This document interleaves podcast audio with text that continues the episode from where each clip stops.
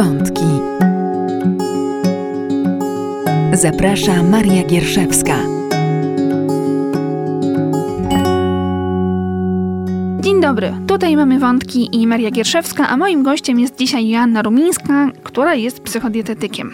Dzień dobry wszystkim. Joanno, może powiedz kilka słów więcej o sobie, e, czym się zajmujesz i właściwie czym się zajmuje psychodietetyk, bo to taka profesja, która nie jest jeszcze zbyt znana, tak mi się wydaje. Mm, generalnie jestem i dietetykiem klinicznym, i psychologiem klinicznym. Mam jakby wykształcenie w tych dwóch kierunkach. Psychodietetyk to jest połączenie psychologii i dietetyki.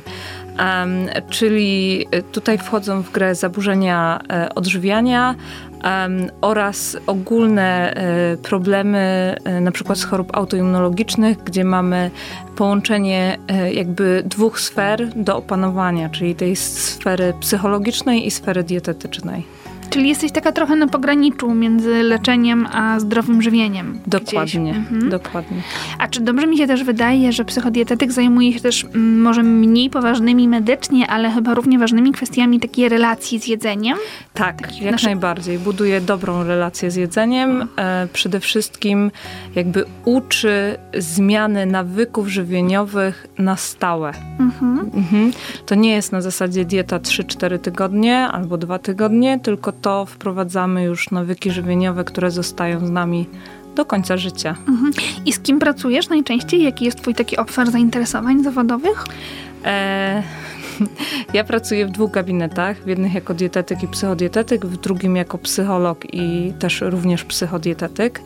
Um, różnych mam klientów. Generalnie pracuję praktycznie z każdym, kto się do mnie zgłasza, ale przede wszystkim są to e, pary, które starają się zajść w ciążę, e, czyli starają się o potomstwo, mm, e, osoby z zaburzeniami odżywiania, osoby z chorobami autoimmunologicznymi, osoby z chorobami cywilizacyjnymi, mhm. mamy z małymi dziećmi, oczywiście y, problemy okołoporodowe, czyli pacjentki, które na przykład nie mają problemu z zajściem w ciążę, ale chciałyby się do tego świadomie przygotować.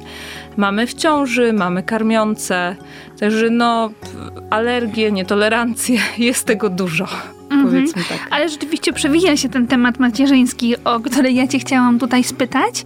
E, czyli właściwie na każdym etapie tego bycia mamą, tego macierzyństwa, ale też wcześniej można, a nawet warto skontaktować się z dietetykiem. Oczywiście, że tak. Zawsze jest warto skontaktować się z dietetykiem, żeby poprawić e, swoje nawyki żywieniowe. Nie tylko e, jakby w momencie, kiedy e, nam zaczyna coś dolegać, albo stwierdzamy, że mamy jakiś problem, gdzie musimy się udać tak? Mhm. To jest też istotne, żeby łamać ten stereotyp, że dietetyk jest tylko i wyłącznie od odchudzania. Miałam mhm. wczoraj pacjentkę bardzo szczupłą, e, z problemami autoimmunologicznymi, e, której pani doktor, jakby któraś z kolei powiedziała, zapytała się po prostu, czy pani jest na diecie. I ona była w szoku, że w ogóle w chorobach autoimmunologicznych trzeba być na diecie. No i skierowała ją do mnie. I potem jak do mnie przyszła do gabinetu, to mówi, jak z kimkolwiek nie rozmawiałam i mówiłam, że idę do dietetyka, to wszyscy się mnie pytali, z czego ja chcę schudnąć. Mhm, czyli to jest taki stereotyp trochę tak. bardzo ograniczający. Dokładnie, dokładnie. To jest bardzo ograniczający stereotyp. Dietetyk nie jest tylko od odchudzania, tak? Mhm. To I, jest I pewnie spektrum. ta chudość to nie jest jedyny aspekt, który ty bierzesz dokładnie, pod uwagę. Tak dokładnie, tak dokładnie. To wiesz, to może zacznijmy tak chronologicznie e, mhm. z tego macierzyństwa. Wspomniałaś, że interesuje cię też aspekt tego, co jest przed ciążą, tego przygotowania się do mhm. niej. Mhm. Zakładam oczywiście, że wszyscy się powinni zdrowo odżywiać, ale na co szczególnego powinny zwrócić uwagę kobiety, czy też może pary, które y, dopiero będą starać się o potomstwo? E, takim najprostszym, jakby najszybszą metodą sprawdzoną odnośnie tego, żeby zobaczyć, czy y, y, moje, mój sposób odżywiania jest zgodny z zaleceniami, z normami i z tym, jak to powinnam zrobić, jest Narodowe Centrum e, Odżywiania, które ma swoją stronę internetową i tam są zamieszczane jakby wszystkie informacje odnośnie zdrowego odżywiania i jak to powinno wyglądać. Tam jest też piramida zdrowego odżywiania i można zweryfikować, czy ten mój mhm. jadłospis jakby pokrywa się z tym, co faktycznie, e, co faktycznie tutaj jest proponowane i co jest zalecane w zdrowym odżywianiu. Mhm. E, wiadomo, że są e, składniki, których nie jesteśmy zawsze w 100% dostarczyć z pożywieniem. Czy kwas foliowy, który przed zajściem w ciąży jest dosyć istotne, żeby go mhm. spożywać jednak w większych ilościach, czy na przykład witamina D. Więc warto zwrócić tu uwagę też na suplementację. Mhm. I to też dietetyk może w tym pomóc. Oczywiście, że sobie. tak. A czy mogłabyś coś więcej powiedzieć o tej piramidzie, bo y, tak mi się kojarzy, że ona ulegała zmianie w ostatnich latach, prawda? I może nie wszyscy są na bieżąco. Jak wygląda ta aktualna piramida? Jakie są aktualne zalecenia? E, no właśnie, aktualna piramida jest moim zdaniem idealna. Mhm. Jeszcze, no, troszeczkę jej brakuje, ale generalnie y, dla mnie po prostu jestem zachwycona nią. E, najnowsze zalecenia wykluczają totalnie z diety czystą pszenicę. E, jakby w ogóle nie ma o tym wspomnienia. Jest tylko i wyłącznie razowa, razowe pieczywo, e, razowa mąka oraz e, żytnie. E, ale jakby czystej, białej pszenicy już nie ma. -hmm. Więc to jest super i, i myślę, że tutaj jest też duże zaskoczenie dla dużej ilości osób, no bo jak pierwsze co wchodzimy do piekarni, to to, co nas atakuje, to są właśnie białe bułki, -hmm. białe pieczywo, drożdżóweczki i wszystkie ciasta z białej mąki. Mm, a drugą e, taką rzeczą bardzo istotną, która w tej chwili z piramidy zdrowego e, odżywiania też jakby już wypadła, to jest cukier i słodycze tego już nie ma wcale. Tak jak y, jeszcze rok temu było zalecenie ograniczenia do minimum, y, w tej chwili w piramidzie już mhm. nie znalazło się miejsca. Czyli stawiamy sobie coraz ambitniejsze cele w, tak, tym, w tym zdrowym tak. żywieniu. No ja mhm. jestem przeszczęśliwa. no masz się do czego odwołać na pewno, że to nie jest taki, taki tylko wymysł, tylko rzeczywiście pewne coś, do czego warto dążyć, a przynajmniej mieć, mieć na uwadze. Nie ukrywam, że jest to świetny argument dla dziadków, którzy o. po prostu e, jeszcze jakby rok temu tego argumentu nie było, no bo była stara piramida, w której było jakby te cukier i słodycze były na samej górze, mhm. e, czyli że znacznie ograniczyć, ale nie wyeliminować. No i to, to zawsze był argument taki do podjęcia na sobie, no dobra, ale są, więc trochę nie zaszkodzi, mm -hmm. a tutaj już nie ma, więc mm -hmm. jakby nie ma o czym dyskutować. I też nigdy nie wiadomo, ile to jest trochę, Tak, prawda? dokładnie. I chciałam cię też spytać, bo wspomniałaś, że pomagasz też jakby parom, które borykają się z niepłodnością. I co wtedy jest takie istotne w żywieniu? Jak można sobie pomóc?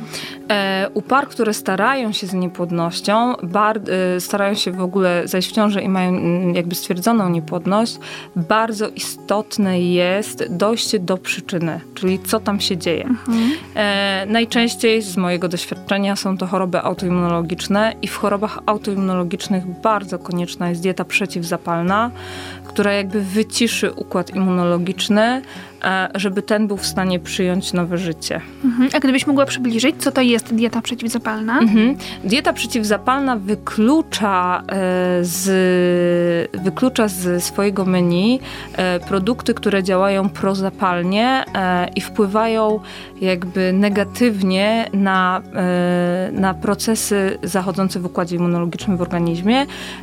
Jest to gluten, chociaż mhm. nie u wszystkich generalnie w większości zazwyczaj ja mówię pszenica czysta, właśnie biała, czyli od, od, jakby od, y, znowu wracamy tutaj do tej piramidy, ale zdarza się, że tak, że jest to gluten i nabiał oraz cukier, tak? To mhm. są takie produkty, które gdzieś tam na, y, w tych dietach przeciwzapalnych są wykluczane oraz y, ograniczane jest do minimum praktycznie mięso. Mhm. Jeszcze zależy w jakim stanie chorobowym, ale ale y, też się zdarza, że mamy redukcję po prostu spożycia mięsa. Czyli taka dieta wegańska trochę, tak mi to brzmi. Tak, Ten tak, brak tak, nabiału, brak kierunku. mięsa. Mhm. Dokładnie, tylko no właśnie i tu jest, y, dlatego też jest istotne, żeby w tych y, chorobach autoimmunologicznych kontaktować się jednak z dietetykiem, czy z żywieniowcem, osobą, która nam dobrze zbilansuje tą dietę, mhm.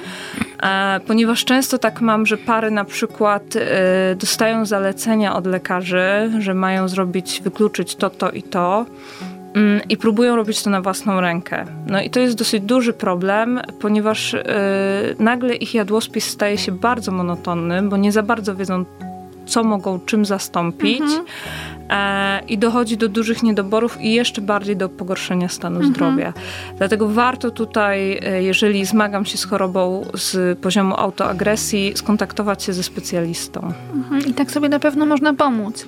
A jeśli już się uda być w tej ciąży, czego, czego wszystkim życzymy, e, to jak powinno wyglądać zdrowie kobiety, która nosi dziecko pod sercem? Na co ona powinna zwracać uwagę? Mm, e, oczywiście e, wyrzucamy z naszego życia tekst jesteś w ciąży, jesz za dwóch. Mm-hmm, Wszystko tak. ci wolno. Chociaż on nadal czasem pokutuje, prawda? Ja bym powiedziała nawet nie czasem, tylko e, po prostu jest cały czas. I, mm-hmm.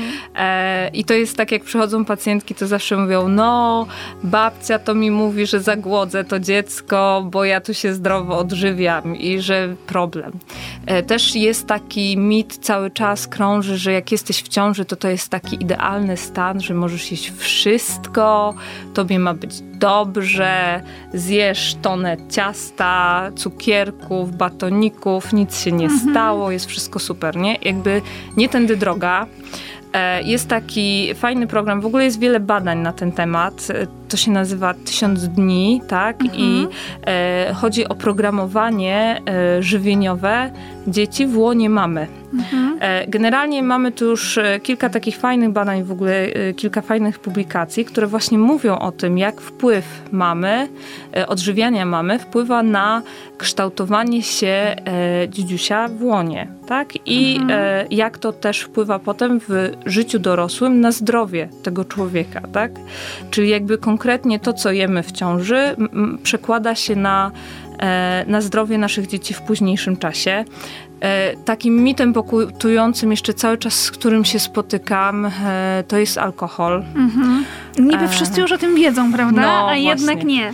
Znaczy powiem tak, to jest niby o tym wszyscy wiedzą, ale jednak gdzieś jeszcze pokutuje coś takiego jak na zasadzie lampka wina na, na zrelaksowanie ci nie mhm. zaszkodzi. Tak, albo dla zdrowia. Albo dla zdrowia, albo na zasadzie kwestii takiej, że no nie możesz wziąć leków przeciwbólowych, a, a masz spięte mięśnie no dobra, no to nie dzwoń do fizjoterapeuty, to sobie wypij tą mhm. lampkę wina, to ci będzie mhm. dobrze, nie? To może to, to, powiedzmy jasno, tak, że w ciąży alkoholu pić Alkoholu nie wolno. absolutnie nie wolno pod żadną postacią, mhm. tak?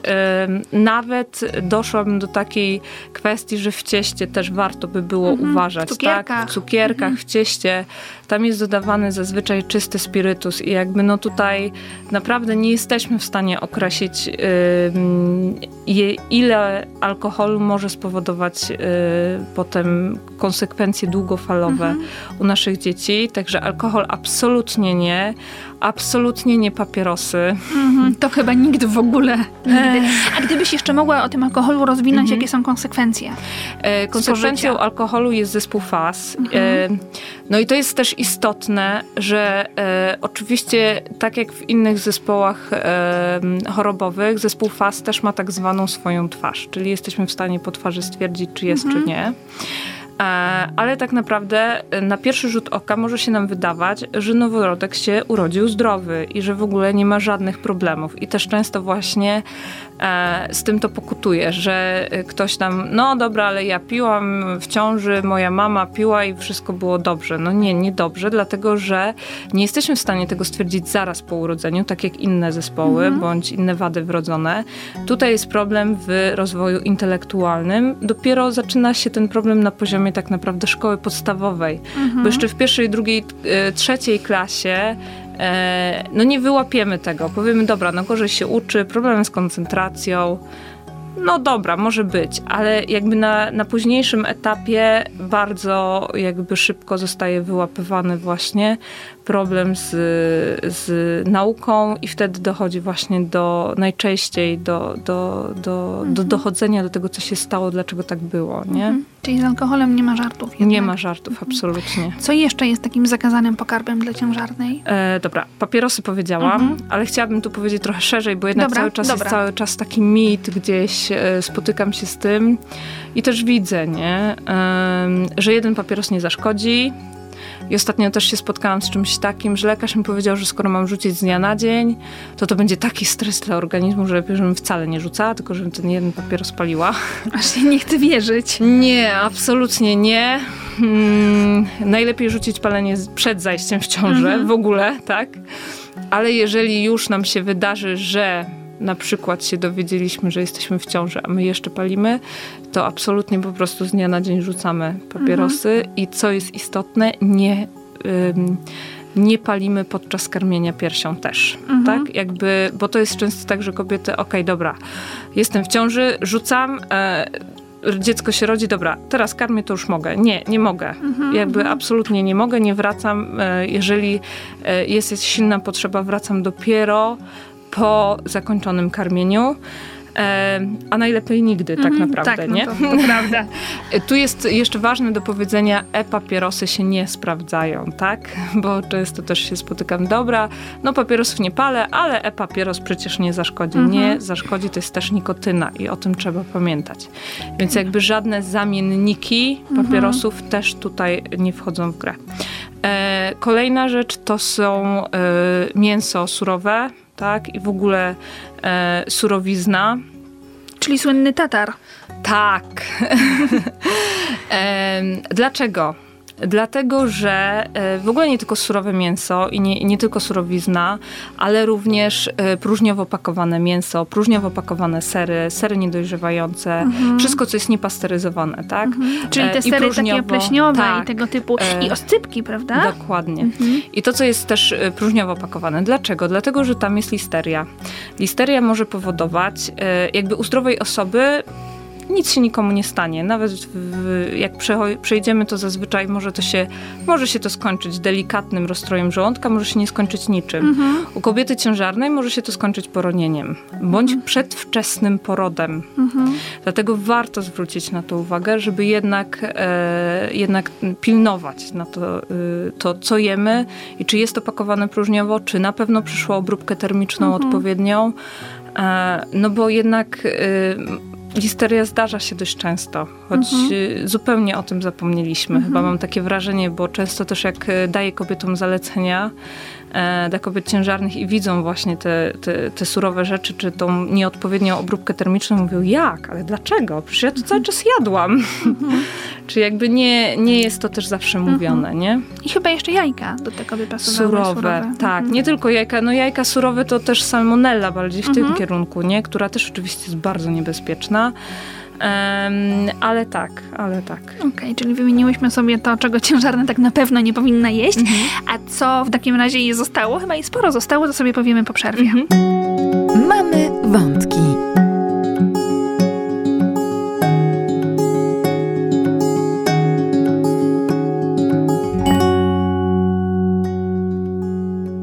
Po przerwie. Tutaj mamy wątki i Maria Gierszewska, a moim gościem jest Joanna Rumińska, psychodietetyk i rozmawiamy sobie o zdrowym żywieniu w macierzyństwie, na razie w ciąży. Powiedziałyśmy sobie, czego nie wolno, ale wspomniałaś, Joanno, o czymś takim, co nazwałaś programowaniem żywieniowym, o tysiącu pierwszych dni, czyli że to, co jemy jako mamy, mamy przy nadziei, tak bardzo wpływa na, e, na nasze dzieci i ma znaczenie.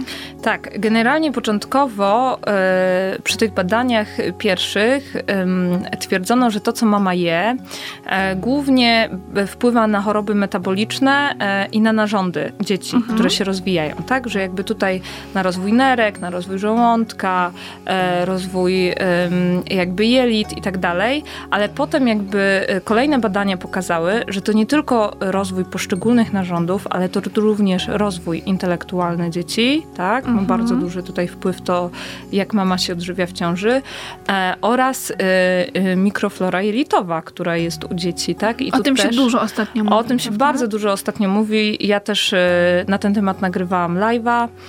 Także na moim fanpage'u można sobie to obejrzeć, usłyszeć, ale właśnie e, jakby badania pokazują, że, że to, co mama je, tak, to, to ma ogromny wpływ.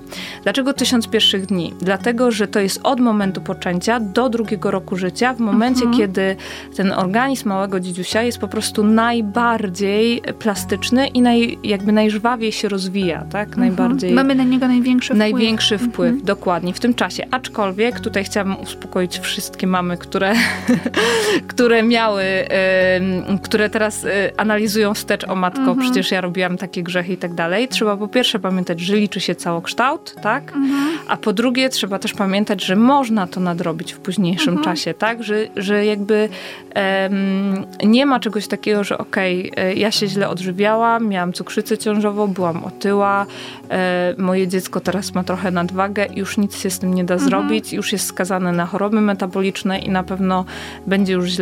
Nie, to zawsze można zatrzymać i zawsze można odwrócić. Mhm. E, oczywiście im szybciej zaczniemy reagować, tym lepiej, tak? Także, ale zawsze jest czas, żeby zacząć. Ale zawsze jest mhm. czas, żeby zacząć. Wspomniałaś o cukrzycy ciążowej. To chyba mhm. jest taka choroba, która trapi coraz więcej ciężarnych, takie mam wrażenie zmieniły się normy. Aha. I to trzeba otwarcie powiedzieć. To może od, od początku powiedz, czym jest ta choroba tak. i właśnie jakie są te normy. E, cukrzyca ciążowa, e, cukrzyca ciążowa jest e, w momencie, kiedy m, robimy pomiar e, krzywej cukrowej e, kobiecie ciężarnej i wychodzą po prostu wyniki poza normą. Mhm. no i wtedy e, lekarz stwierdza, że dobrze, no to teraz dieta najpierw, zawsze standardowo, jeżeli sobie z dietą pacjentka nie radzi, a trzeba też powiedzieć, że ciąża jest takim stanem, gdzie e, czasami naprawdę pacjentka robi wszystko z siebie, jest w stanie e, bardzo ograniczyć e, swój jadłospis i pomimo tego te cukry idą w górę, bo jest to mhm, związane mhm. po prostu z gospodarką hormonalną. I wtedy niestety trzeba włączyć insulinę ale jeżeli nie trzeba, no to staramy się to wszystko regulować dietą. I faktycznie mam coraz więcej pacjentek, które mają stwierdzoną cukrzycę ciążową, ale to dlatego, tak jak powiedziałam wcześniej, że zmieniły się normy. E, Kiedy one się zmieniły? Mm, nie jestem w stanie powiedzieć. Zdaje mi się, że z dwa lata temu, mhm. jak nie trzy. Um, I one się po prostu znacznie obniżyły. Dlaczego? To jest istotne. Dlaczego? Dlatego, że e, okazało się, że jest coś takiego, było już coś takiego wcześniej i to było obserwowane, że mamy, którym e, cukrzycy ciążowej nie wykrywano na początku, tak, rodziły dzieci e, z makrosomią, duże dzieci, mhm. E, które już miały wysoki poziom cukru we krwi, bo oczywiście dzieciom powyżej 4,5 kilo robi się badania w tym kierunku i okazywało się, że ta mama jednak miała tą cukrzycę, pomimo tego, że ona nie była wyłapana wcześniej. Mhm. I to się nazywa tak zwana późna cukrzyca ciążowa ciążowa, więc żeby jakby wyłapać te kobiety, które mogą wpaść w tą późną cukrzycę ciążową, zaczęto, obniżono te pierwsze normy, żeby zapobiegać y, powstawaniu mhm. późnej cukrzycy ciążowej. I w ten sposób po prostu faktycznie mamy większą wykrywalność, mhm. ale z drugiej strony te pacjentki bardzo szybko trafiają na dietę i dzięki temu nie ma, spada nam y, problem tej cukrzycy mhm. późnej ciążowej. A jaki, jakie są przyczyny tej choroby? E, Pewnie różne. tym, tak, różne. Podłoże jest różne. E, generalnie mówi się, że ilość ciąż, tak? Że mhm. im... Z każdą kolejną. Że z każdą kolejną jest większe prawdopodobieństwo, mhm. większe prawdopodobieństwo powstania cukrzycy ciążowej. Zły sposób odżywiania przed ciążą, mhm. tak, i, i w trakcie ciąży na jej samym początku. E, też trzeba pamiętać i tu warto wspomnieć o tym, że do krzywej cukrowej trzeba się dobrze przygotować, tak, bo naprawdę na nią ma wpływ dużo nawet sam to, że cały czas zdrowo się odżywiam i dzień przed badaniem, nie wiem, zjem sobie batonika, ciastko, mhm. jakby coś bardziej wysokocukrowego, to już może mieć wpływ na wynik y, negatywny tej krzywej, że to już mnie zakwalifikuje do cukrzycy mhm. ciążowej. Istotne jest też to, czy ja idę i się zestresuję na przykład, tak? Mhm. Mam takie A często pacjentki. kobiety się stresują, tak. bo to jest stresujące badanie. Mam takie pacjentki, mhm. które po prostu e, się śmieją, że to jest syndrom białego fartucha mhm. i że po prostu stres e, idzie w górę i wtedy też cukier idzie w górę, bo jest mobilizacja mhm. organizmu mhm. i dlatego też ta e, krzywa wychodzi jak wychodzi. Dlatego warto się przygotować dobrze do badania, od napoić się odpowiednio wcześniej, nie biec do badania bo to jest często też, że jeżeli robimy to w taki sposób, ok, zdążyłam do laboratorium na ostatnią chwilę, jestem zziajana, ale przecież badanie trwa tyle czasu i oni już mi na starcie muszą pobierać tą krew, jeszcze muszę na szybko wypić tą glukozę i jakby jestem cały czas w takiej zadyszce, to też będzie powodowało, mhm. że ten cukier będzie wyższy. Więc drogie panie, dobrze się warto przygotować w ogóle do tego badania. Mhm. Mówiłyśmy o tym, że na cukrzycę ciążową ma wielorództwo wpływ, ale nie zawsze, tak? Nie, nie tylko, bo spotykam się z kobietami, które są pierwszy raz w mhm. ciąży, mhm. ale na przykład mają w rodzinie e, historie cukrzycowe, mhm. czyli też aspekty genetyczne, mhm. e, aspekty każdego, po prostu każdy organizm jest inny, tak? Jeden, mhm. Jedna kobieta urodzi siódemkę dzieci w życiu cukrzycy ciążowej nie będzie miała, inna urodzi jedno i już jakby następna ciąża będzie obarczona. Także jest tu róż, wiele różnych jakby możliwości.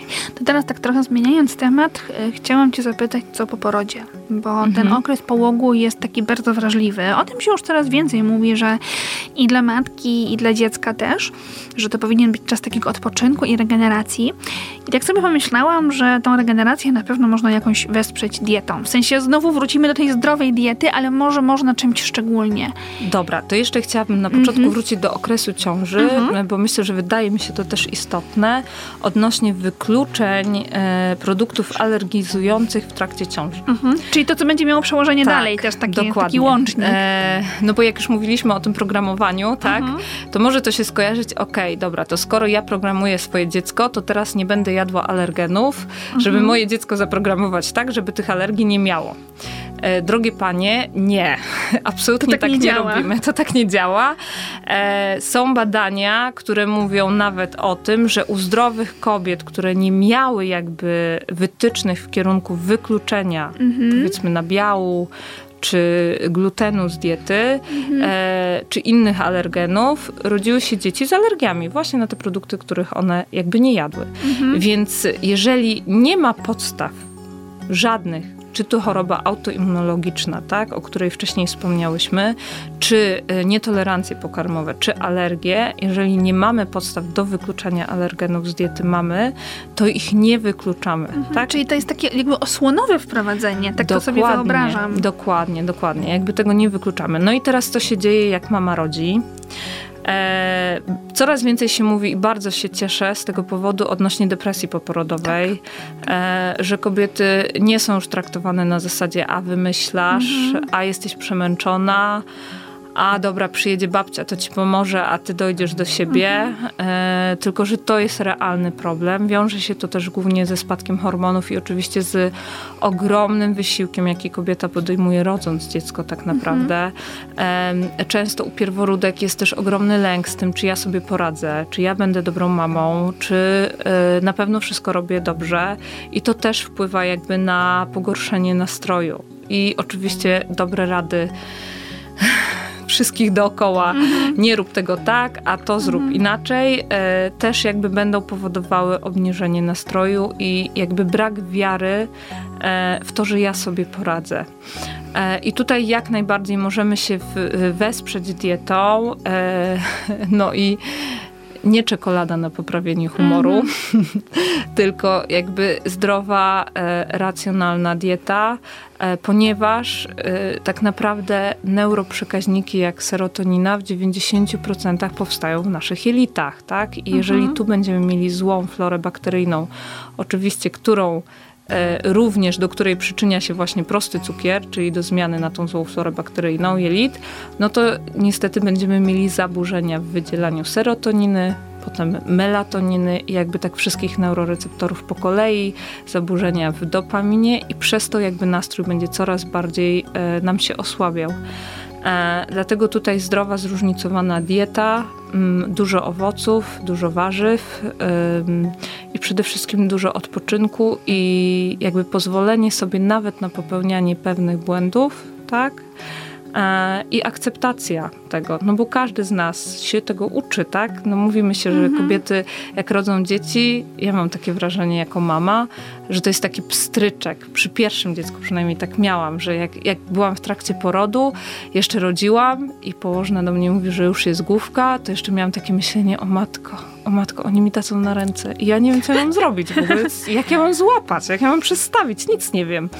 A jak po prostu y, mój syn się cały urodził i dostałam go na ręce, to nagle jakby ktoś mi przełącznik przełączył w głowie i po prostu miałam wrażenie, że, że już jest wszystko jasne, że ja wszystko wiem, tak? Więc y, też pozwalać sobie na, na, na jakby no, na chwilę słabości. Nie bać się tego, nie? Mhm. Spotkałam się kiedyś z takim poglądem, że w połogu, a zwłaszcza świeżo po porodzie, em, istnieją takie tak zwane zupy mocy, takie wywary, rosoły, które mają nam przywrócić te, te siły, o których mówiłaś, że się tak traci. Jak to działa z punktu widzenia dietetycznego? E, no przede wszystkim taki wywar e, ma bardzo dużo składników mineralnych, tak? I jakby to powoduje już, e, że e, odżywia nas bardzo. To jest też tłuszcz, który jakby e, sam w sobie powoduje, e, jakby jest taką bazową energią, powiedzmy, która gdzieś tam nas wspiera i pomaga. Aczkolwiek miałam ostatnio też e, posta na temat e, karmienia piersią i alergii. E, No i tu was zdziwię, że zupa mocy też może być alergizująca, tak? Więc może się okazać, że nie zawsze nam przysłuży. Aczkolwiek To można zmienić skład Dokładnie. wtedy pewnie. Mhm. Aczkolwiek jakby bardzo polecam właśnie takie, takie rzeczy dla, dla kobiet, które urodziły, bo niestety nie ukrywajmy, że dieta szpitalna pozostawia dużo do życzenia, Mhm. Czyli w domu odstaje. się tym trzeba zająć. Tak. Czyli ta taka ludowa mądrość tych rosołków jest bardzo mądra tak, Tak, naprawdę. tak, jak najbardziej. że te wywary nam wszystkim służą. Y, Zaczęłaś już powoli mówić o, o tym dalszym żywieniu dzieci, o, o tym karmieniu, no bo te tysiąc pierwszych dni Mhm. to przecież trwa jeszcze. To myślę, że do tego po przerwie wrócimy. Mamy wątki.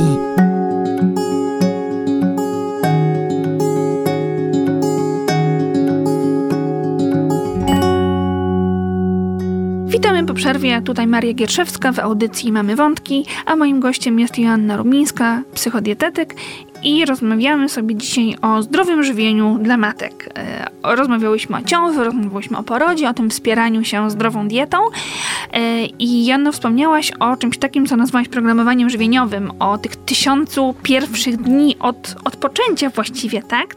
I powiedziałaś, że to się kończy na dwóch latach, tak? Tak. Czyli że to jest taki okres najbardziej wrażliwy na to, co je dziecko, ale też co je matka, bo jesteśmy takim duetem Tak, związanym ze sobą, bardzo zależnym od siebie. Tak. Więc na co zwrócić uwagę, kiedy to dziecko już się urodziło i powiedzmy zakładamy, że, że jest karmione piersią. E, przede wszystkim na zdrową, zróżnicowaną dietę, o czym będę chyba mówić Mhm. do, jakby do końca. Bo taka twoja rola. Bo taka moja rola i, i e, wręcz zaczynam mieć wrażenie, że jestem po prostu nudna w tym, bo najchętniej bym powiedziała, postawiła piramidę zdrowego odżywiania i powiedziała, tu jest klucz i proszę tego się, do tego się stosować, tak? Bo jakby e, mm, nasze e, mleko mam jest najcenniejszym i najlepszym właśnie darem, e, który możemy dać naszym dzieciom. Mm, I nawet i jest tak też taka nazwa na nie, jak pozytywny programator, tak? Czyli właśnie takim e, najlepszą rzeczą, która mama może dać dziecku, to jest właśnie karmienie mlekiem, e, mlekiem mamy. E, no i warto by było, żeby ta mama odżywiała się zdrowo. Jestem bardzo uczulona na, e, na teksty w stylu e, dobra, karmisz, e, możesz jeść wszystko pod warunkiem, że zdrowo się odżywiasz, tak? E, nie jestem za tym, że mogę jeść wszystko. Absolutnie po McDonaldach, po żadnych fast foodach. E, jakby nie, jemy zdrowo i zróżnicowanie, żeby mleko miało jak najlepszą wartość, tak? Ograniczamy spożycie tłuszczów trans, które przedostają się do mleka e, i niestety przedostają się do naszych małych dzieciusów również, nie? Czytałam też o czymś takim, że mleko matki zmienia smak również, czyli Tak, że to nie jest tak. też y, tylko ta wartość taka naukowa, odżywcza, ale też taka Tak. praktyczna. zmienia smak e, i powiem szczerze, sama to kiedyś przetestowałam, bo kiedyś jeszcze był taki mit, żeby ta dieta mamy na początku była bardzo taka delikatna, lekkostrawna i w ogóle. Czyli sprzeczna z tym, co powiedziałaś wcześniej, że Dokładnie. potrzebujemy sił. Dokładnie. I, e, i położna mi powiedziała, ja uwielbiam czosnek. Po prostu we wszystkim wrzucam. I położna do mnie powiedziała, tylko nie jedz czosku, bo ci dziecko mleka nie wypije. Ja mówię, dlaczego? No bo to, to mleko po czosku jest niedobre, dzieci nie chcą pić. Ja mówię, ja nie mogę, całą ciążę jadłam toneć czosku mhm. i nagle mam nie używać czosnku w diecie. No nie wyobrażam sobie tego. E, no i faktycznie na początku jakby, e, nie wiem, jakoś tak ułożyłam to swój jadłospis, że tego czosku nie było. E, no i po jakimś czasie wrzuciłam ten czosnek do diety. Mówię, no nie, no zgłupiała, no nie ma mowy. taki, taka, taki zdrowy produkt, gdzie ja tutaj będę wyrzucać. E, no i faktycznie e, no, było zdziwienie na twarzy mojego syna. Dosyć Ale mocne. wypił. Wypił, e, w ogóle się nie przejmował mhm. jakby tym, tylko faktycznie było takie, no było jakby mamy, które mają takie małe dziedziusie, to, to jakby widać, jak przystawi się je do piersi i to mleko ma inny smak, to te dziedziusie tak śmiesznie na to reagują. I faktycznie on też tak dziwnie zareagował na początku, ale oczywiście potem ze smakiem wypił, nie było najmniejszego mhm. problemu. Ale tak jest, że, że to, co jemy, ma wpływ na smak. Mhm. E, tego mleka. I to jest pozytywne, prawda? To jest bardzo pozytywne, bo uczy właśnie różnych smaków od samego początku. Mhm. Nie? To co dalej mogłabyś powiedzieć o tym tysiącu pierwszych dni, o już mhm. końcówce tych, tego tysiąca, kiedy już dziecko e, też się No właśnie jak wprowadzamy e, produkty e, mhm. dzieciom po kolei, tak, to jest też istotne, żeby tam nie było soczków, tak? Mhm. Żeby tam nie było herbatek, bo jeszcze cały czas to gdzieś tam jest, że a, no bo moja mama mi mówiła, że ja mam dawać herbatkę mhm. y, rumiankową, bo to najlepiej działa. Nie, przerzucamy dzieci na wodę, kończymy karmić swoim mlekiem i zalecenie jest takie, żeby przerzucić na wodę i tutaj nie do drugiego roku życia, ale do szóstego roku życia mhm. dzieci powinny pić tylko i wyłącznie wodę, mhm. żeby nauczyć je tego nawyku mhm. picia wody, żeby nie było potem tak, że my włączymy soczek i zresztą mamy, które włączały soczki swoim dzieciom doskonale wiedzą jak to działa. To jest po prostu jeden raz soczek i potem już woda jest niedobra i dzieci tej wody nie chcą mhm. pić. I jest bardzo duży problem w ogóle z nawodnieniem. E, istotne jest, żeby rozszerzać o wszystkie e, produkty, całą gamę warzyw i owoców. Mówi się, że najlepiej by było, gdyby najpierw wprowadzać warzywa, a potem owoce, bo owoce są słodkie. Mhm. I generalnie e, powiem tak, nie zawsze się to sprawdza. U moich dzieci, ja mam czwórkę dzieci, różnie to bywało, różnie eksperymentowałam. I wcale tak nie było, że jak zjadły na przykład jabłuszko, to już potem nic innego z warzyw nie chciały jeść, mhm. tylko jakby były ciekawe E, i wszystkiego smakowały po kolei, e, więc naprawdę warto wszystko zrzucać. E, no i oczywiście jak wprowadzamy gluten, to gluten na początku w kaszce, ale prosiłabym też o to tutaj, żeby nie dawać dzieciom pszennych białych bułeczek, pszennego chlebka, bo zazwyczaj jak się pyta właśnie rodziców, jaki chlebek, czy jakie coś dają dzieciom, no to najdelikatniejszy ten pszenny, nie? Mhm. Naprawdę od razowego im się nic nie stanie, a Skórka już... jest na ząbkowanie nawet tak. dobra.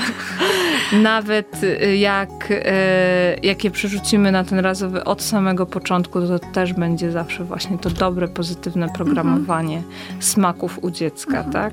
Wspominałaś jeszcze wcześniej o produktach, które mogą alergizować. Mhm. Chciałam cię zapytać właśnie w kontekście czy to karmienia, czy już potem dzieci, które jedzą coś tam samodzielnie, bo mam wrażenie, że te alergie są takim, takim postrachem na mamy, że one nie do końca wiedzą skąd to się bierze i potem się boją, że albo każdy ból brzuszka, albo każda krosta na ciele to już jest alergia. I żeby z jednej strony nie przeoczyć, ale z drugiej strony nie żyć w, pod zbędną presją. Znaczy, więc tak, tak jak powiedziałaś, yy, jak do mnie przychodzą mamy z problemem, yy, niestety już za późno, z problemami e, żywieniowymi u dzieci z alergiami. Dlaczego mówię niestety za późno? Dlatego, że cały czas e, z jednej strony super, że mit, że nie możesz jeść wszystkiego dieta lekkostrawna i generalnie ryż i kurczak i nic więcej. Mhm. To już poszło w niepamięć, ale z drugiej strony poszła przesada w drugą stronę mhm. za bardzo, tak? Mhm. Do tego stopnia, że jak pacjentki do mnie przychodzą rzadko kiedy koło trzeciego miesiąca, ale dopiero koło szóstego miesiąca e, karmienia piersią, bo po prostu zeszły już milion specjalistów i w końcu, w końcu pediatra mówi, dobra, nie ma innego wyjścia, zmieniamy, musimy go odstawić od mleka mamy, musimy zmienić na mleko modyfikowane, bo już nic tu się nie da zrobić.